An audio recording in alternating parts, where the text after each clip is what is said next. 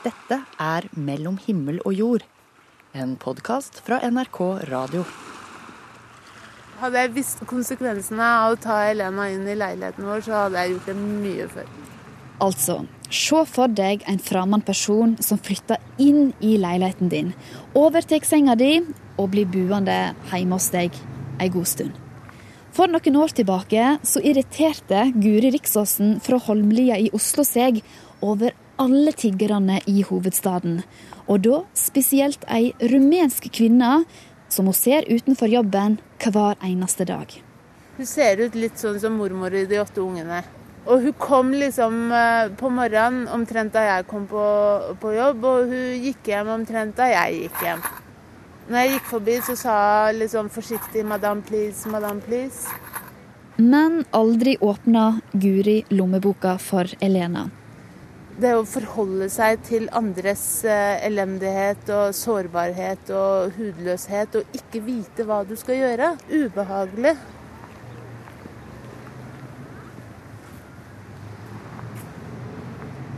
Men det er nettopp sårbarheten som skal føre Elena og Guri sammen.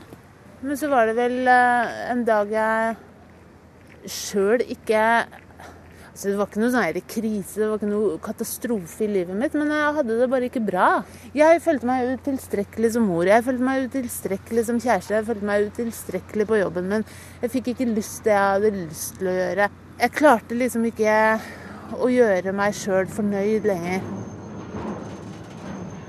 Guri hun går ut for å kjøpe lunsj. Hun skunder seg forbi Elena og smetter inn i matbutikken.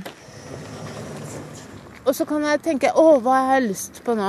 Hva har jeg lyst på? Har jeg lyst på sushi? Har jeg lyst på en bagett? Har jeg lyst på yoghurt? Har jeg lyst på frukt? Eh, skinke? Ost? Hva vil jeg ha nå?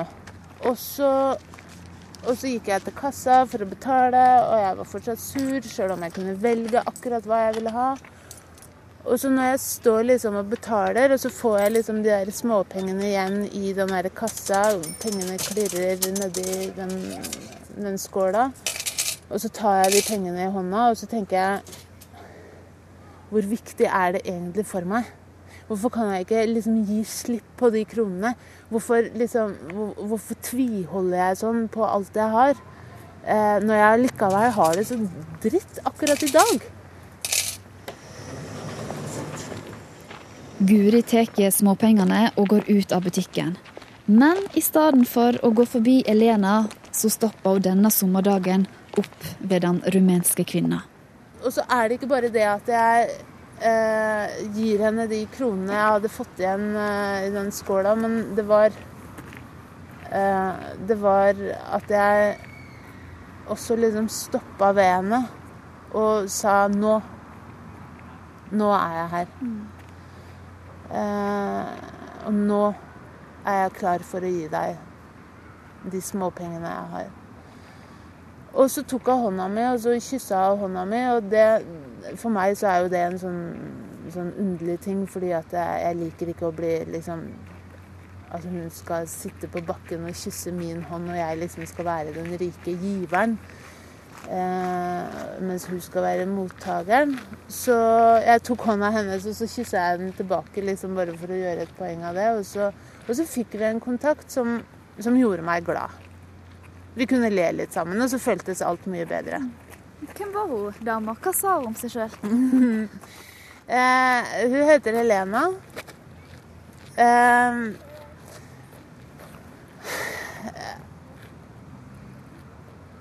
jeg skjønte umiddelbart at vi hadde Vi hadde i hvert fall en humor til felles, for vi kunne le sammen av den kyssinga på hendene. og og hun har et veldig varmt smil, et varmt ansikt.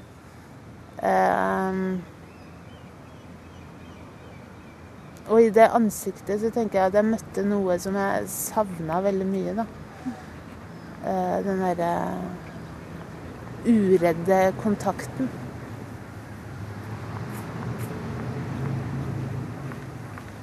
Ganske fort så turte hun å komme meg mye nærmere faktisk enn de fleste andre omgås sånn i dagliglivet. Guri Riksåsen i begynnelsen av 40-åra opplever et fellesskap med den eldre rumenske tiggeren Elena. Den sommerdagen altså, for tre år siden på et gatehjørne i Oslo. Elena holder fram med å tigge, men i stedet for å gå rett forbi, så stanser alltid Guri opp for å hilse på. Jeg har det sånn at eh, At jeg kan godt forstå liksom hva, hva folk mener, uten at eh, jeg nødvendigvis forstår hvert enkelt ord. Og hun har faktisk den samme egenskapen, og hun kunne plukke ut liksom hva jeg kunne forstå. Og så brukte vi de ordene. For hun visste jo ingenting om meg, og allikevel så tok hun meg liksom imot som om jeg var egentlig barnet hennes på en eller annen måte. Guri får vite at Elena har seks barn og seks barnebarn i Romania. Hun forteller videre at hun har mista jobben i heimlandet og i Italia, før hun ender opp som tigger i gatene i Oslo. Mens Guri har en varm leilighet å komme hjem til etter endt arbeidsdag, så overnatta Elena og ektemannen i et steinbrudd i hovedstaden. I 2013 så blir busituasjonen for det rumenske ekteparet forverra når politiet ønsker å forby folk å overnatte på offentlige steder. Så vi bestemte rett og slett at eh, nå får dere bare flytte inn, så får vi leve her sammen. Ekteparet fra Romania flytta inn til Guri og de tre barna hennes. Guri flytta til og med ut av sitt eget soverom for å gi plass til ekteparet. Eh, men da kjente vi dem jo allerede ganske godt. Og det var mye vanskeligere å vite at de sov ute og ble jaga av politiet, enn enn å ha dem hjemme hos oss i senga vår. Ekteparet får mat og husly. Sjøl opplever Guri at hun får langt mer tilbake av Elena og mannen. Jeg har vært aleine stort sett hele mitt liv med ungene mine. Eh, og jeg oppdaga den gleden over å ikke være aleine. Hvor eh, trygt det er, hvor godt det er. Og også ikke minst sånne Og hun er ikke en au pair for meg, men lettelsen ved å komme hjem, og så er det noen som har hengt opp den der eh, klesvaska, eller noen har stryket de der dukene som ikke har blitt stryket på ukevis. Og, eh, eller noen har allerede begynt på middagen. Altså, det er jo så ufattelig deilig.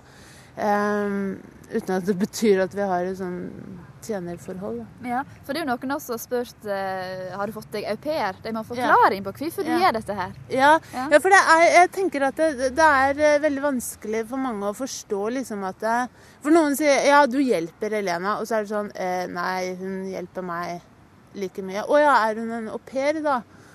Eh, og så klarer vi ikke helt å så tenke at det er et likestilt forhold. Og så er det jo heller ikke et likestilt forhold, fordi jeg har mer penger enn henne. Uh, men på den annen side så gir hun meg liksom noe som jeg trenger, og så og så er hun eldre enn meg, uh, så hun kan også sette meg liksom litt på plass og være liksom mamma for meg. men For hun dekker dine behov òg? Ja, mitt Du vet det der med mamma, ikke sant. Jeg tenker at vi har der, en idé om liksom hva, hva skal en mamma være? Så nær, trygg, til stede, mm. varm. Og en mor kommer jo aldri til å klare å være det. Mm. Jeg klarer det ikke, mora mi klarte det ikke, og jeg kjenner ingen andre mødre som har klart det, liksom. Men vi har allikevel den der ideen om hva en god mor er. Mm. Det er kanskje det, liksom. At jeg føler at jeg, når jeg er med Elena, så kan jeg være så veldig meg sjøl og være nok. Jeg får den der nærheten som, som ikke har vært til stede i livet mitt. da. Det begynte altså en varm sommerdag for tre år siden, da hun eh, kasta et par mynter i pappkoppen til Elena. En dag som hun sjøl ikke hadde det så veldig bra.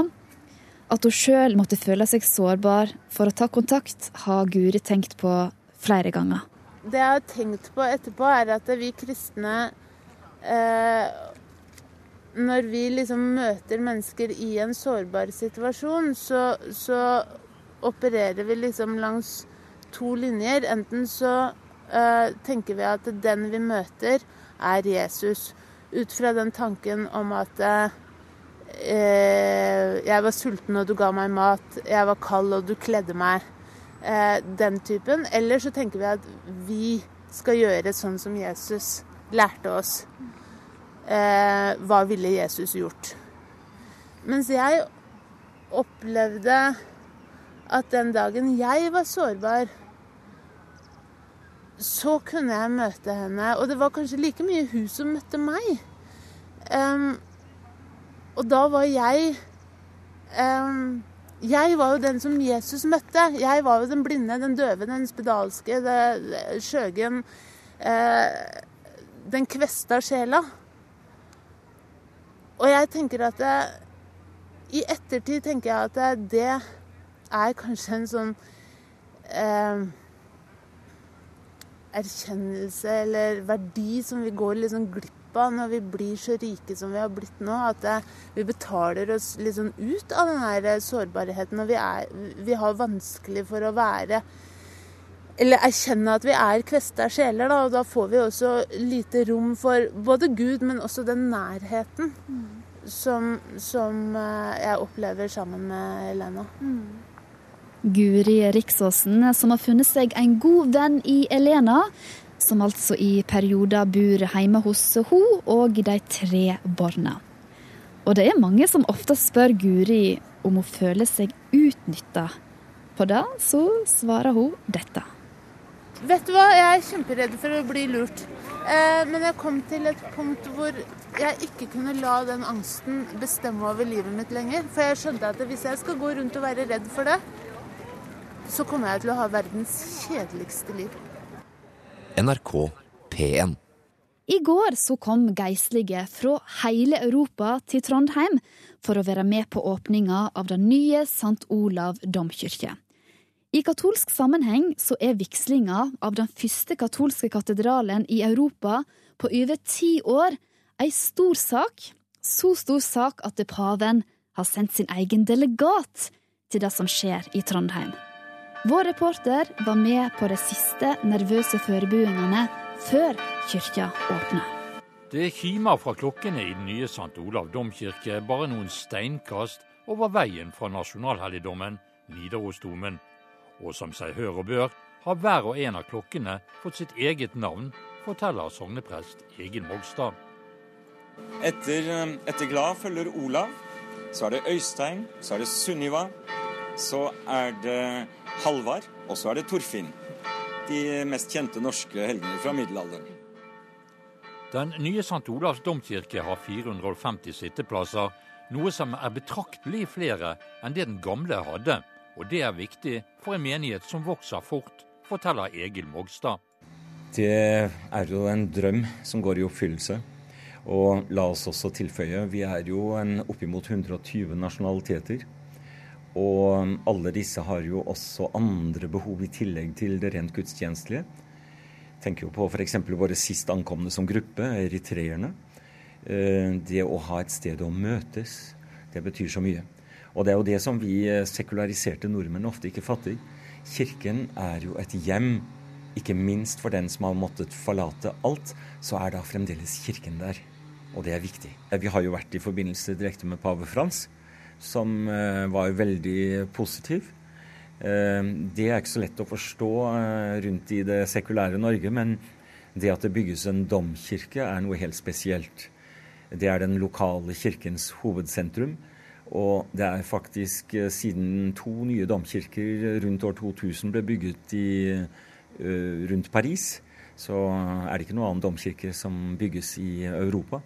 Så i Osservatore Romano også, det altså Vatikanets offentlige eller offisielle avis, så har uh, vår kirke vært omtalt. Og helt over f.eks. en professor Stroik, uh, katolsk uh, arkitekturprofessor ved Notre Dame University på østkysten i Amerika, har viet vår kirke oppmerksomhet. Så fra overalt møter vi oppmerksomhet, og positiv. Dette er jo det gamle hovedsetet for den nordligste provins av den katolske kirke i middelalderen. Eh, Nidaros provins med Fastlands-Norge og øyene i vest. Og sånn sett som jeg smiler og sier til mine lutherske venner, det er jo femte gang vi prøver oss på å bygge domkirke her, da. Og en av de forrige ligger jo her fremdeles, nemlig Nidarosdomen. Ja, Apropos Nidarosdomen. Når vi kjører inn mot sentrum, eh, så er det jo veldig påtagelig at du har Nidarosdomen da på høyre side. Og så ligger dette nybygget på venstre side. Ser du noe symbolikk i dette? jeg har ikke tenkt på det på den måten. Det jeg har tenkt på med et smil, er at når man kommer kjørende ned Elgeseter gate mot uh, byens sentrum, så ser man bare vår kirke. Det er først når man passerer Studentersamfunnet like ved elven at det åpner seg, og vi ser Nidarosdomen. Jeg vet ikke om jeg skal se noe symbolsk i det, men det vi har sagt, er at jo, vi har vår apostoliske selvbevissthet, vi vet hvem vi er, men samtidig så vil vi vise ydmykhet overfor Nidarosdomen som det samlende symbol for hele Norge, religiøst sagt. Nå er de klar.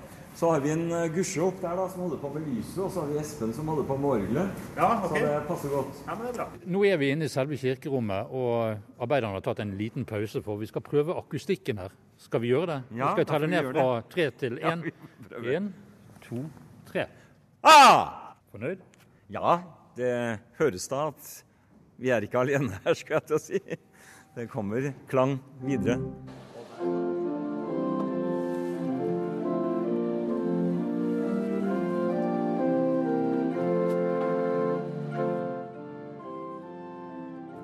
Er det orgelbyggeren som er i gang.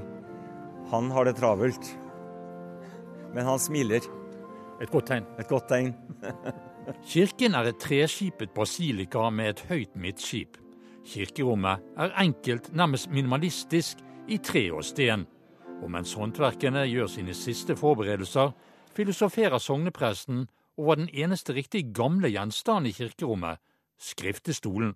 Da vi var i Rouen i 14 eh, eh, for å feire tusenårsjubileet for Hellig Olavs dåp der. Så kom det noen litt betuttede bretonere, de er jo naboene til Normandie i sør, og sa Et nous alors, vous nous avez oublié? Og oss, da har dere glemt oss? Hva, sier jeg. Ja, for vi vet at den unge, nydøpte Olav, 19 år gammel han var, med og forsvarte vår erkebispeby Doll mot de gromme danske vikinger. Det har de ikke glemt. Og det utviklet seg til at de inviterte meg til Bretagne, og jeg var på en jubelreise rundt i hele området. Og i Doll, da, i den gamle erkebispebyen, nå er det jo Rennes, men da var det Doll før, så spør min kollega sognepresten der men er det ikke noe dere kunne ønske dere? Vet du hva, sa jeg. Jeg skulle så gjerne, Det er kanskje for mye å be om, men en skriftestol av den klassiske typen. For det, det vet nordmenn litt om fra film og fjernsyn. Og det hadde vært veldig fint. Ja, men så fint, sa han. Vet du hva? Fordi arkeologene fant en brønn inne i kirken som de insisterte på å restituere, så har vi vært nødt til å flytte en en skriftestol på lager. Og den er det altså vi har fått. Og det er jo rart å tenke på. Eh, rett over bukta fra Dole ligger jo Mont Saint-Michel. Og der ble jo munkene jaget ut ved revolusjonen, og det ble et tukthus. Og det er tukthusfanger på Mont Saint-Michel som har bygget denne stolen. Så den har absolutt mye historie i seg. Og for oss vil den jo nå Nå kommer jo sognepresten og en med ham opp hit til vigslingen. Og da går vi videre i vår forbrødring mellom Bretagne og eh, Doll og Trøndelag og Trondheim. Og reporter her var Jan Rye Ravnestad.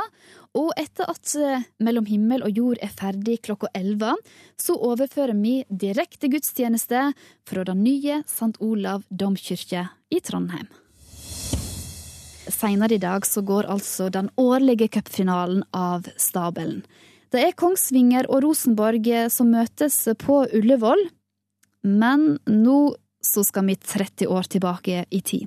For i 1976 så var det Sogndal og Brann som spilte cupfinale, med seier til Brann. En av spillerne som ble cupmester den gang, heter Atle Hellesø.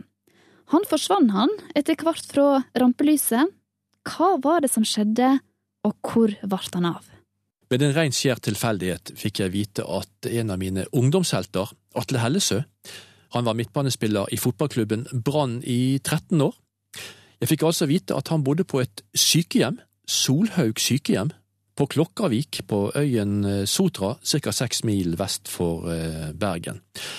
Jeg satt meg i en bil og dro ut til Atle Hellesø, som nå er 68 år, men har altså bodd på sykehjemmet de siste seks årene. Klarte ikke å bo alene. Jeg gikk med krykker, dårlige bein og knust skulderen min. Og vinteren og dette kom jeg ikke ut. Jeg måtte bare si opp leiligheten. og Jeg er glad jeg fikk en plass her ute. Det er ensomt, det er trygt. Hvordan eh, kjennes det, da? Nei, Det er blitt en del av hverdagen. Du kan jo forresten ikke føre noe som særlig med samtaler med pasientene. Sånn sett så er det bra at det kommer en, eh, en ung eh, NRK-reporter, da. Så får du, sant. får du å snakke med. Ja, riktig. Ja, det er ikke så mange jeg kan snakke med her. Få ta litt sånn kaffe. Ja.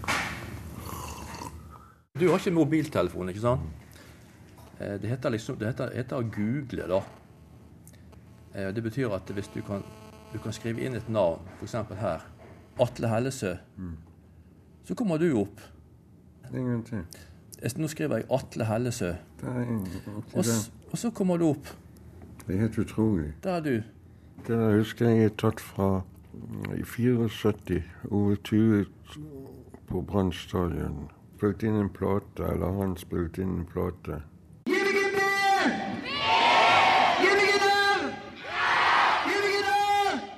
Ja, det var vel kanskje Brannsangen, da? eller? Ja, ja, ja. Men det må jo si at du er en ganske pen mann, da. Ja, det skal jeg. Jeg syns du ligner litt på George Best. Husker du han? Ja. Litt sånn halvlangt hår og så skinnskjegg og Du ser nedover her, så kommer jo opp andre spillere. Det der er jo eh, Egil Østbø, ja. Dette er altså kalles for Wikipedia, da. Informasjon som ligger ute på nettet. Der står det Atle Hellesø er en tidligere norsk fotballspiller. Han spilte fra 1968 til 1979. Han spilte sju sesonger for Brann og tre for HamKam. Hellesø blir av mange sett på som en av de beste Brann-spillerne noensinne.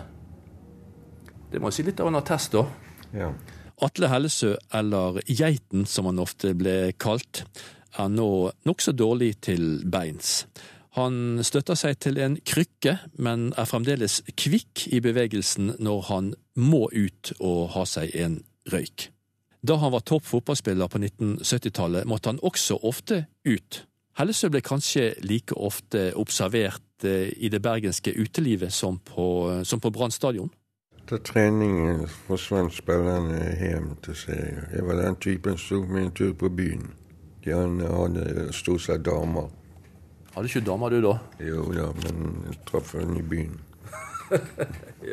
Hvordan klarte du å kombinere det fotballivet og, og bylivet, da? Det gikk helt fint, det. Da er vi over på alkohol igjen. Ja. Alle visste jo det at jeg drakk, men de trodde jo at jeg at jeg drakk mye. Men jeg gjorde det ikke, ellers hadde jeg ikke kommet med på laget. Eh, treneren min, Bill Elliot, sa det for å slappe av i kroppen, så tar vi et par pils kveld før. Det var han helt enig med. Jeg var på byen, var ute i byen hver dag etter trening. Det tok jeg meg en halvliter. To kanskje, så jeg sittet hjem igjen. Men når folk ser deg hele tiden sitte på et sted, og gjerne når du bytter et sted og sitter med en øl, betyr det jo bare at en høns blir til ti. Så, men det har aldri vært noe problem for meg. altså. Det ble jo et problem. Når ble det et problem, da. Nei, det var ikke noe problem når det gjaldt fotball, i hvert fall. Ja, For det var jo en annen kultur den gangen enn i dag, kanskje. Ja, Det er jo helt feil av treneren. At ikke guttene får lov til å ta seg en tur på byen en gang. Så publikum kan bli kjent med dem. Ikke bare på banen, men utenfor. Du blir kjent med publikum på byen på en måte, du da. Ja. Hva betydde det for deg, da? Det betydde mye for meg. De har avslappet forhold til fotball, og jeg visste jeg hadde gode kamerater. Jeg maste ikke om fotball når jeg var ute. Det visste de jo. Og dagligdagse ting. Folk henger seg opp i det de tror jeg var. Jeg holdt jo med de to hele pilsene før en kamp. Bill var helt enig med meg. Bill er altså Bill Elliot, mannen som trente Brann fra 1974 til 1978. En engelsk landslagsspiller som tok med seg engelsk fotballkultur til Bergen. To pils kvelden før en kamp var derfor eh, innafor. Atle mener altså at dette ikke gikk utover hans prestasjoner på fotballbanen, men legger heller ikke skjul på at eh, alkoholen satte sitt preg på livet etter fotballen. Jeg har vært innlagt ja, for avrusing. Jeg har merket det at det går på stumpen ved halsen løs. Da Blå Kors reddet meg mange ganger. Det var etter jeg sluttet å spille fotball. Det er en del av mitt liv òg. Hvordan eh, husker du de periodene da når du var innlagt og Jeg har bare gode minner med det. Kan være noen tøffe dager da innimellom, men stort sett så var det flotte greier. å Gjøre en god jobb. Det var Blå Kors. Ja. Bergensklinikken heter den nå. De fikk deg på fote igjen. Ja, ja, ja, ja, ja, ja. Hvordan er hverdagen for deg her ute? Sånn fra morgenen av Begynner, begynner klokken fem og halv seks med stå opp, røyker, få kaffe klokken seks. Ned og ligge seg litt uh, halv åtte, barbere seg og stelle seg. Så opp igjen åtte, røyke litt, og så inn til frokost ni. Hvile da til ett. Da er det, det middag, og halv syv er det kvelds. Det går stort sett med røyking og se på fjernsyn. Det som aviser. Hva du tenker mest på da, når du er her? Jeg tenker ofte på å reise til byen. Ja. Så er det problemet kanskje hvordan skal jeg overnatte? For jeg får jo lov til å reise ut og overnatte. Hvor er de tjommene mine blitt av? Er de i byen ennå, eller er de gift? Eller? Kanskje de hører dette her på radioen, at de kan ta en tur ut og besøke deg? Ja, det var fint. Jeg savner det. En kort oppsummering. Atle Hellesø, et usedvanlig fotballtalent. Han ble en av Branns beste midtbanespillere gjennom alle tider. Kuppmester for Brann i 1976. 30-årsjubileum for denne bragden akkurat nå i høst. Beste fotballminne, Europacup mot nederlandske Tvente. Spilte da mot en annen legende i norsk fotball, Halvard Thoresen. Og slo presise og geniale pasninger fra sin midtbaneposisjon, som huskes den dag i dag. Iallfall av den eldre garde på Brann stadion. Dessuten hadde han tre gode år i Hamarkameratene, og ber meg hilse til alle gode kjente der. Men hvorfor fikk han tilnavnet Geiten? Det har jeg alltid lurt på. Nei, jeg var jeg var liten, så var det en kamerat av meg som var brun i huden. Kalte han for brunosten. Når jeg var hvit, så kalte han meg for geitosten. Forsvant da osten, så ble hengende med geiten etterpå.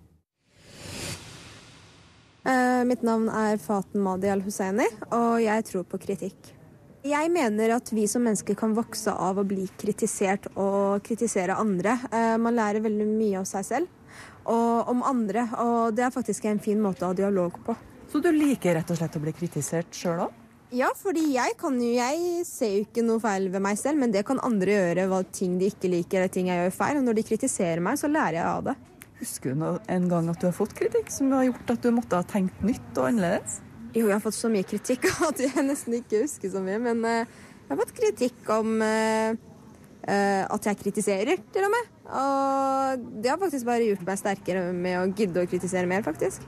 Mennesker som ikke har lyst til å vise deres sanne jeg, eller de som ikke vil bli kritisert. Eller da er man egentlig ikke sikker på seg selv hvis man ikke tør å bli kritisert. Men er det, altså, kan vi forlange det av hverandre, at vi tåler det? Nei. det er noen mennesker, altså Jeg respekterer jo mennesker som ikke liker å bli kritisert, men jeg tenker jo vi lever i et samfunn hvor vi er så forskjellige.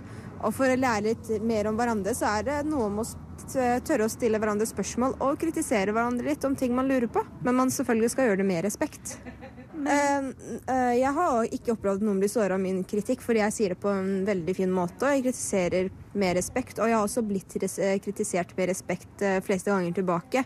av de menneskene jeg bryr meg om som kritiserer meg, så blir jeg ikke såra. Men av useriøse mennesker som kritiserer deg til ting, så bare bryr jeg meg egentlig ikke. Så jeg svarer ikke i det hele tatt. Så det handler litt om at det må ligge en sånn trygghet der i utgangspunktet, da? Ja, altså kritiserer Hege Storhaug meg, så svarer jeg ikke. Men kritiseres jeg av en annen muslim eller en kristen eller en venninne av meg eller min bestevenn, så er det litt forskjellig. Da blir man ikke såra. Da liker man bare å svare på det for å fjerne disse fordommene man har. Men hva, hvis du skal si meg, Fortell meg hvordan du sier det. da. Du sier du sier det på en veldig fin måte. Hva kan du lære meg om det? Om å gi kritikk på en god måte? Altså, Man kan jo f.eks. Uh, si jeg uh, har et annet type syn på akkurat det der, f.eks. i kristendommen. Og hvorfor er det akkurat slik hos dere, og ikke sånn? Man kan ta det på den fine måten, da, enn ikke bare ja, dere er sånn og sånn, og det er ikke interessant for meg, for jeg tror på noe helt annet. Altså, Det handler jo om hvordan, hvilken måte du legger kritikken din på. Uh, for noen tolkes det jo fort som rasistisk, og for andre mener du sånn Det er jo veldig fint. altså. Det må være en interesse, på en måte? da. Du må være interessert i å høre svaret? Ja, og det er det. Ikke kritiser for å provosere, kritiser for å lære, tenker jeg. NRK P1.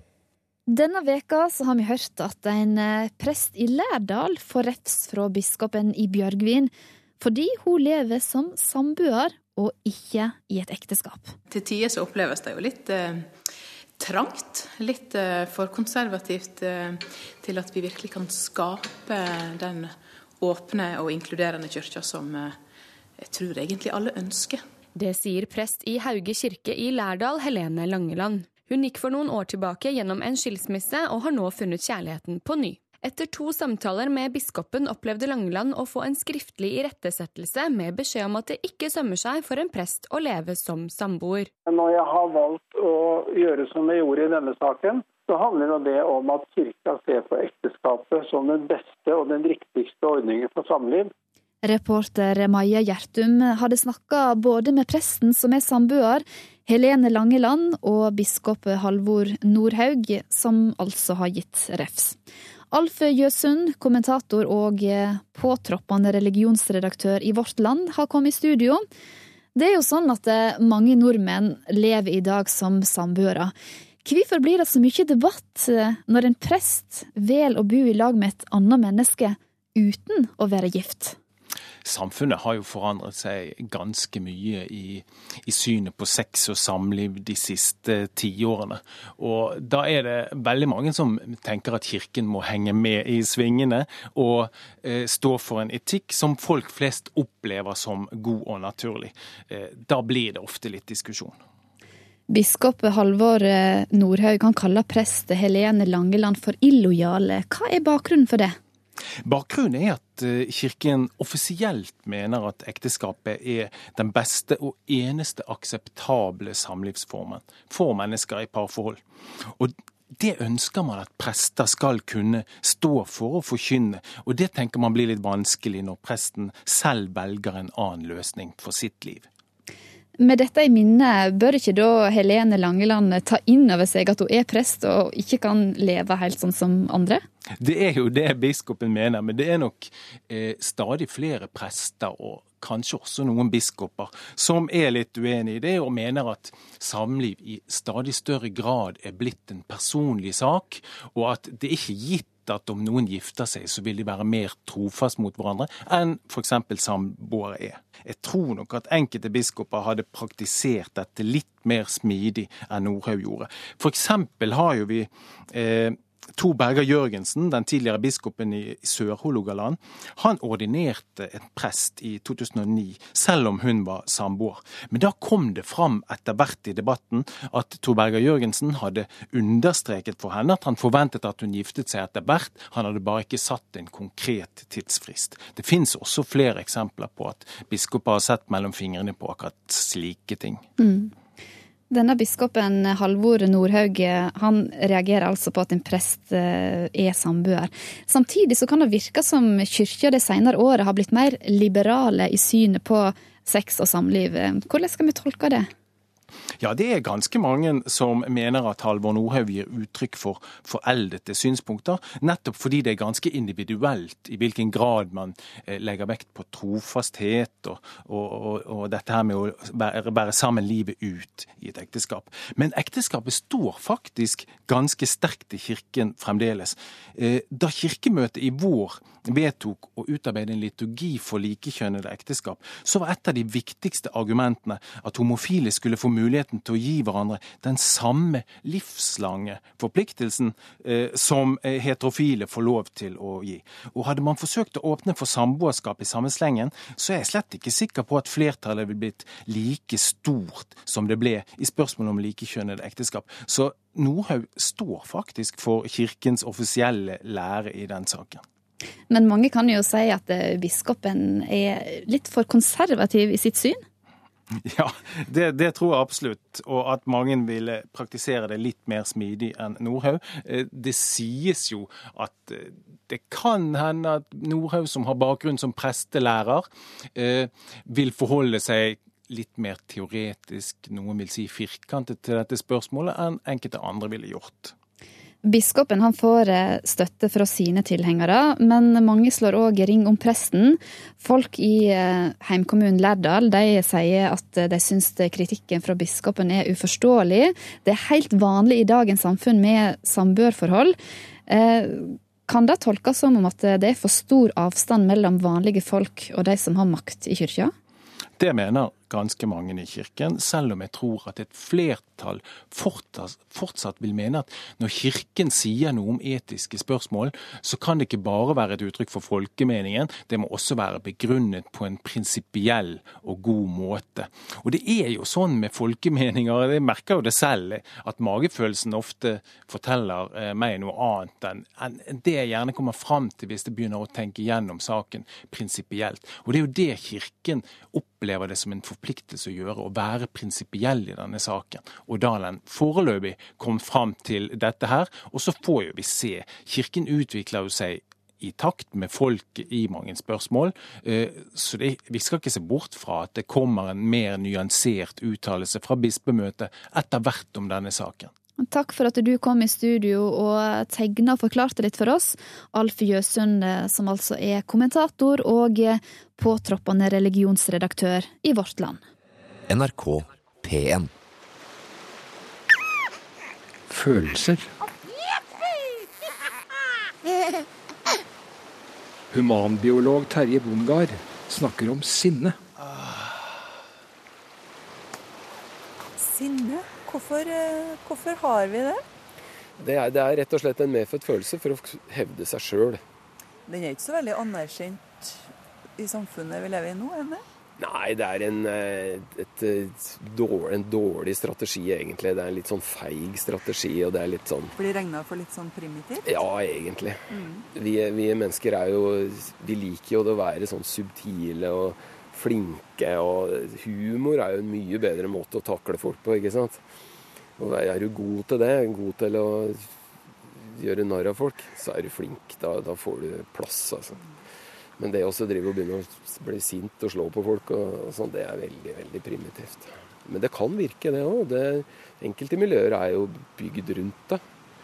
Altså, særlig unge, unge, gutter kan jo være ganske sinte. Rett og slett lage sinte gjenger. Mm. Her er vi inne på det som er med strategier. Altså at det, når en, eh, en, med høy utdannelse og, og stor pondus og mye status blir sint, så blir han jo ikke aggressiv eller, eller, eller voldelig. Han, han da, skriver da et, et, leserinnlegg med litt pondus og litt sånne ting. Så du velger deg sånne strategier innenfor sinne. Men eh, i og med at det er en følelse vi har, hva tror du skjer med oss hvis vi ikke får utløp for den? liksom? Ja, nei, igjen, det er et, et sånt uh, Hvilken strategi du velger. Du kan uh, gå og grumle litt for deg sjøl i en krok, kanskje. Og sitte Det hender jeg også smeller avisa sammen og sier 'himmelens navn, hva dette mennesket skriver'. Det er jo en form for sinne, og så avreagerer jeg med det, og så legger jeg avisa til side, liksom. Men det er litt avhengig av hvor sterkt, hvor sterkt det blir, da. Mm. Har vi bruk for det i dag, egentlig? Det er jo en sånn overganger mot det vi kaller for, eh, for engasjement og interesse og ivrighet. Og det trenger vi? Ja, det syns jeg altså. Det mm. syns jeg nå eh, Men, men uh, ditt engasjement, har det vært noe sinne som har satt i gang det, eller? Ja, jeg har nok det, ja. Til å begynne med var det mye sinne på ute og gikk når vi gikk i disse her første mai-toga og irriterte og sinte på alle. Men eh, du oppdager jo at det hjelper ikke så mye. da, ikke sant? Du må, du må heller, eh, eller som det heter på amerikansk, don't get mad, get even. Ikke bli sint, men ta igjen. Så det er nok en lurere strategi. Finne ut hvordan du kan eh, knekke disse her du er irritert på, på en måte som virker. Husker du, altså Hvis du tenker tilbake, en situasjon hvor du virkelig ble sint? Hmm. Ja, det må jo være når noen eh, Jeg ble frastjålet biler i ungdommen. da. Jeg bodde jo et sted hvor det var eh, mye, mye rotten, brodne kar, som det heter. Det hendte jo at bilen ble stjålet. Da var jeg sint, for jeg hadde jobba, hadde masse småjobber og prøvde å holde en bil i gang da, i ungdommen. Så kommer det noen og stjeler den. Da, det, den sinnet der husker jeg var voldsomt. Det, og det er jo noe med det å bli fratatt ressursene sine, bli fratatt det som er ditt. Det skaper veldig sinne. Hva kunne du bruke det til, det sinnet? Nei, ingenting. For i storsamfunnet så har du jo ikke kontroll. Du kan jo ikke gjøre noen ting. Dukker jo bilen opp som et vrak da, etter noen dager. Noen som har kjørt den i stykker. Da kommer politiet og forteller at ja, vi har funnet bilen din. Det, så det, det, var et eksempel på, på sånn det å bli fratatt ting. Det er ikke bra. Hør flere podkaster på nrk.no podkast.